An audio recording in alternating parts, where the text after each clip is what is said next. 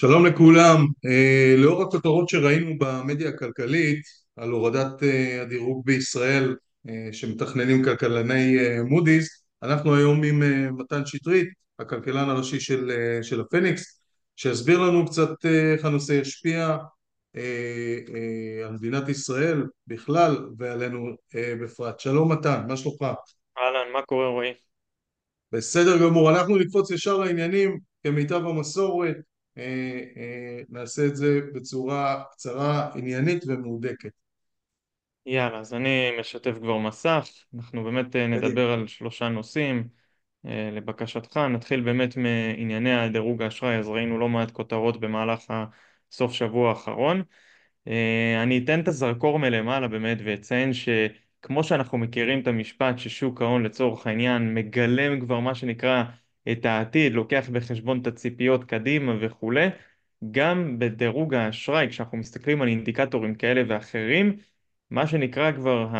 האינדיקטורים השונים שתכף אני אציג אותם, כבר לקחו את זה בחשבון מראש, כלומר אף אחד לא באמת מחכה למודי'ס או כל חברה אחרת שתיתן את החותמת הרשמית, כן, הדירוג ירד, אלא הכל כבר מה שנקרא אפוי בעוגה ומתומחר, ולכן קודם כל זה לא יפתיע אותנו כשנראה את הורדת דירוג בפועל והיא תגיע, אוקיי, היא תגיע, לא, לא נהיה מופתעים מזה, וגם כנראה שהשווקים לא יהיו יותר מדי מופתעים מזה. עכשיו, מה הכוונה שאני מדבר על זה שהאינדיקטורים השונים לקחו את זה בחשבון בנתונים כבר אה, במבט קדימה? אז לצורך העניין, כשאנחנו מסתכלים למשל על אה, איגרת חוב דולרית של ממשלת ישראל ואיגרת חוב אה, ממשלתית ארצות הברית, נניח לפדיון ב-2033, כמעט עשר שנים,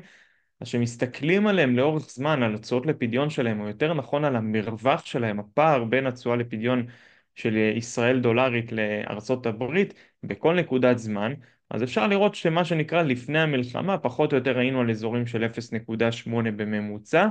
ואפשר לשים לב באופן ברור שעם תחילת המלחמה ראינו עלייה במרווחים, או במילים אחרות עלייה בסיכונים פה בישראל, ואנחנו רואים באמת שבתקופה האחרונה, בחודשיים שלושה האחרונים, אנחנו נעים מה שנקרא במרווח של אזור ה-120 נקודות בסיס פחות או יותר, שזה אגב גם מתלבש עם מה שאנחנו רואים ב-CDSים. ה-CDS בעצם מייצג את עלות גידור אה, לשקל,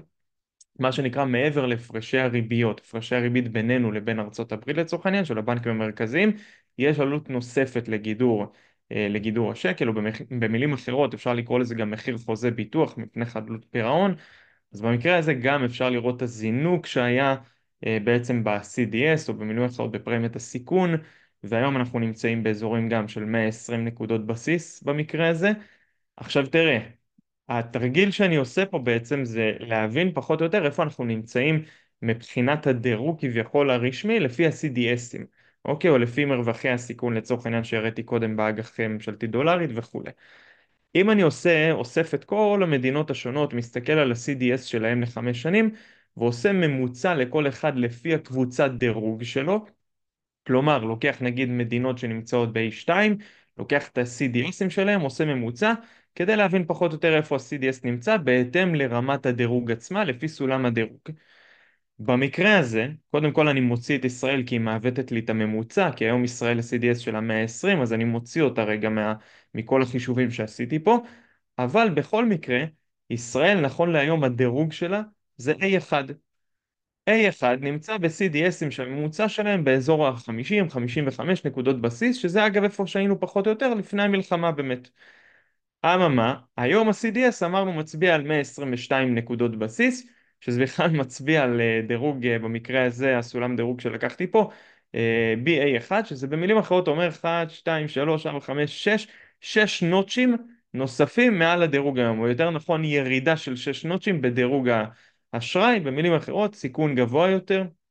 אבל שוב זה מתומחר.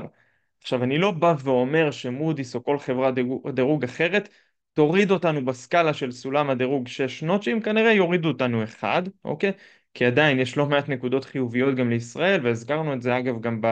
במצגת הקודמת שעשינו, דיברנו על כל החוזקה של ישראל, איך היא נכנסה למלחמה וכולי. זה לא שיורידו אותנו עכשיו 6 נוטשים, אבל עוד פעם, השוק כבר לקח בחשבון, ואנחנו נמצאים לפי השוק בכלל בנקודה הזאת היום, אוקיי? עכשיו מעבר לזה זה גם משתקף בתשואות האג"ח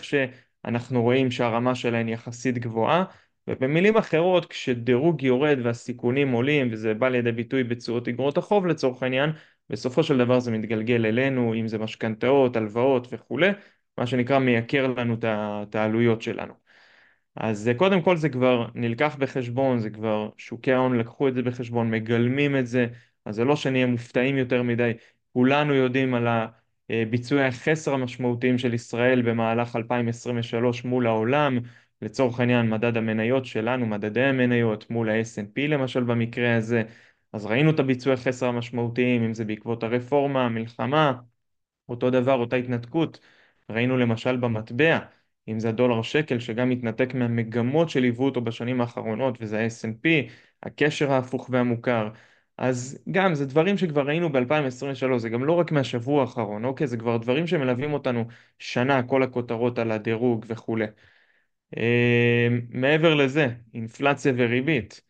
אז ראינו בראשון לראשון את בנק ישראל באמת מפחית את הריבית ב-0.25 מרמה של 4.75 ל-4.5 אחוזים.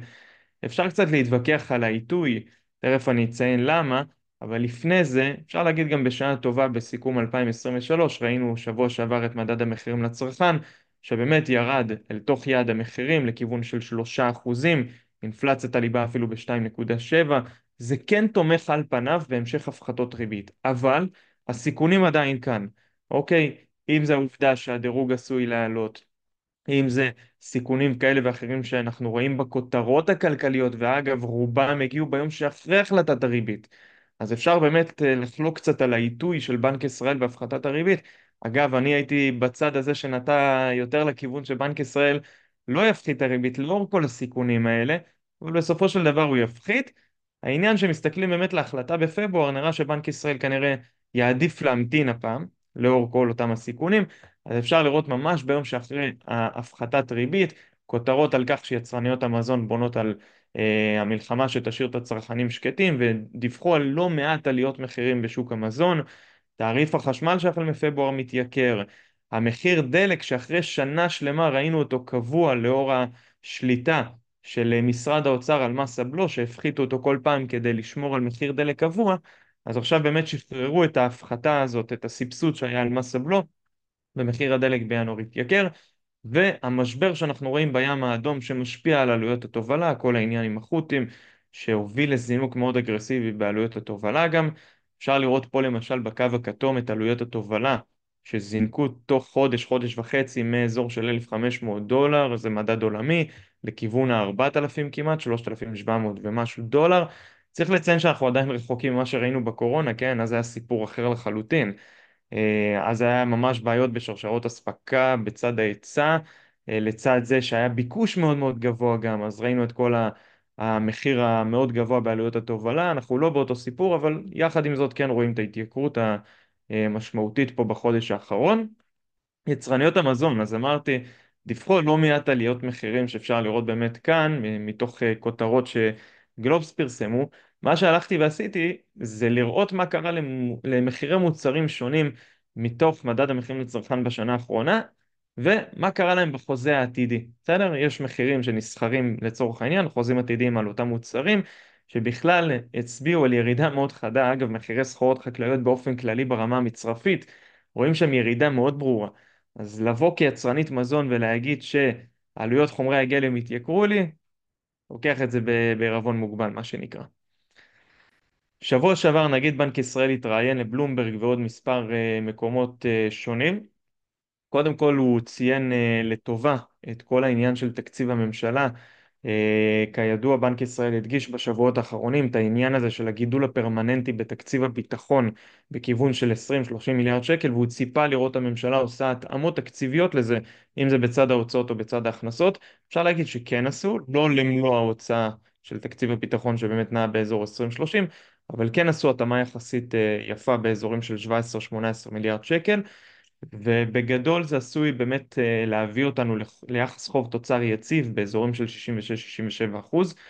אה, והנגיד ציין שזה באמת מאוד מאוד חשוב לשווקים הנקודה הזאת. מעבר לזה בכל הנוגע לריבית הוא ציין שהיא כן הייתה הכרחית לאור המלחמה אבל ההמשך יהיה מאוד זהיר, מאוד מתון ותלוי במספר גורמים. קודם כל כמובן בהאטת האינפלציה אבל מעבר לזה רמת פעילות כלכלית והתפתחויות נוספות בצד הפיסקלי והגיאופוליטי. אז כשהסיכונים עדיין כאן, בטח אפשרות להתרחבות במלחמה גם לגזרה הצפונית, מה שנקרא יצטרכו לחשב מסלול מחדש ואולי להמתין כרגע עם הפחתות הריבית לאור הסיכונים האלה. מעבר לזה, אחת השאלות שאוהבים לא מעט לשאול בנוגע לסביבת הריבית, האם נחזור לסביבת ריבית אפסית, אז גם כאן דווקא שאלו את הנגיד והוא התייחס לזה, שהוא ציין שהוא חושב שבסיום מחזור הפחתות הריבית הנוכחי, ולא רק בישראל אגב, גם מסביב לעולם, הריביות כנראה יהיו באזור גבוה יותר ממה שהיו קודם. זה גם משהו שציינתי במצגת האחרונה שלנו, שבאמת הבנקים המרכזיים הפעם כן נוטים לשמור על איזושהי סביבת ריבית גבוהה יותר ממה שהתרגלנו בעשור האחרון, אבל יחד עם זאת אנחנו עדיין לפני הפחתות ריבית במהלך השנה הקרובה. אה, תחזית האינפלציה שלנו אגב לאור כל השינויים אם זה המזון, תובלה, השקל אגב שנחלש בחודש האחרון כל אלה הובילו אותנו לעדכן קצת את התחזית אינפלציה שלנו שנה קדימה כלפי מעלה מכיוון של 2% לכיוון ה-2.5% ובהתאם גם למתן את הפחתות הריבית שציפינו לאור האינפלציה אם אנחנו מעדכנים כלפי מעלה את האינפלציה אז גם מן הסתם הריבית קצת עודכנה כלפי מעלה לכיוון 3.5-3.75 זה מה שאנחנו רואים לנכון כרגע שנה קדימה. עוד איזה נקודה ש... שאני חושב שכן שווה להתייחס אליה ואנחנו רואים אותה לא מעט בכותרות במהלך החודש האחרון זה העובדה שהריביות בפקדונות לצורך העניין ובקרנות הכספיות שהולכות יד ביד עם הריבית ובפקדונות אפילו מה שנקרא מגלמות את התוואי הריבית העתידי אפילו עם מקדם ביטחון כלשהו לא לטובת הלקוח אלא לטובת הבנק במידה ויהיו הפחתות אפילו אגרסיביות יותר כל אלה כבר משתקפים ובאים לידי ביטוי באותם האפיקים הסולידיים, פיקדון או קרן כספית שבאמת תלך יד ביד עם הריבית שעוד צפויה לרדת ואחת הכותרות שאהבתי, מה עדיף כשהריבית תתחיל לרדת, כספית או פיקדון, מישהו שהגיב פה, מי שחושב שהריבית צפויה לרדת, עדיף לו לא, לא להיות בקרן כספית ולא בפיקדון, התשובה איפה כן להיות במוצר מה שנקרא סולידי באמת, שאני רוצה סיכונים מאוד נמוכים ואיפשהו כן לקבל סביבת ריבית עדיין גבוהה לפני שהיא באמת משנה את הכיוון, התשובה היא אג"ח. אז אם ראינו טרנדים בשנה האחרונה של כספית ופיקדון, כנראה שבמבט קדימה זה דווקא יהיה אגרות החוב. אה, מבחינת סיכום התחזיות, אז כמו שאמרתי, אינפלציה שנ, שנה קדימה שלנו, אזור 2.4-2.5 אחוז, בנק ישראל 2.4 לסוף 2024, תחזית הצמיחה שחשוב לציין כאן שהתרחיש המרכזי גם של בנק ישראל וגם שלנו זה שאנחנו כן נראה ברבעון הראשון של השנה מלחמה בדרום אבל בצפון אנחנו לא, לא נראה חזית בצפון אלא פחות או יותר מה שקורה כרגע אה, בוא נגיד ככה, שאם כן תיפתח חזית בצפון, מן הסתם כל התחזיות האלה הולכות להשתנות, חזית הצמיחה הולכת להתעדכן משמעותית כלפי מטה. עכשיו עוד נקודה שחשוב לציין, שאנחנו מדברים על תחזית צמיחה, היא במונחים ריאליים וזה לא צמיחה לנפש. כלומר, אם אני לוקח בחשבון גם צמיחה לנפש, שקצב גידול האוכלוסייה בישראל הוא באזורים של 2%, אז אם אני מנקה מפה לצורך העניין 2%, אנחנו מדברים על צמיחה אפסית ומטה. שזה בגדול סוג של מיתון כלכלי, אמנם לא עמוק, אבל בגדול רמת החיים לא צומחת. שיעורי אבטלה אז מעל חמישה אחוזים, הגירעון ל-2024 אנחנו מצפים שנראה שישה וחצי אחוזים עד שבעה וחצי אחוזים, כפועל יוצא יחס החוב תוצר יעלה.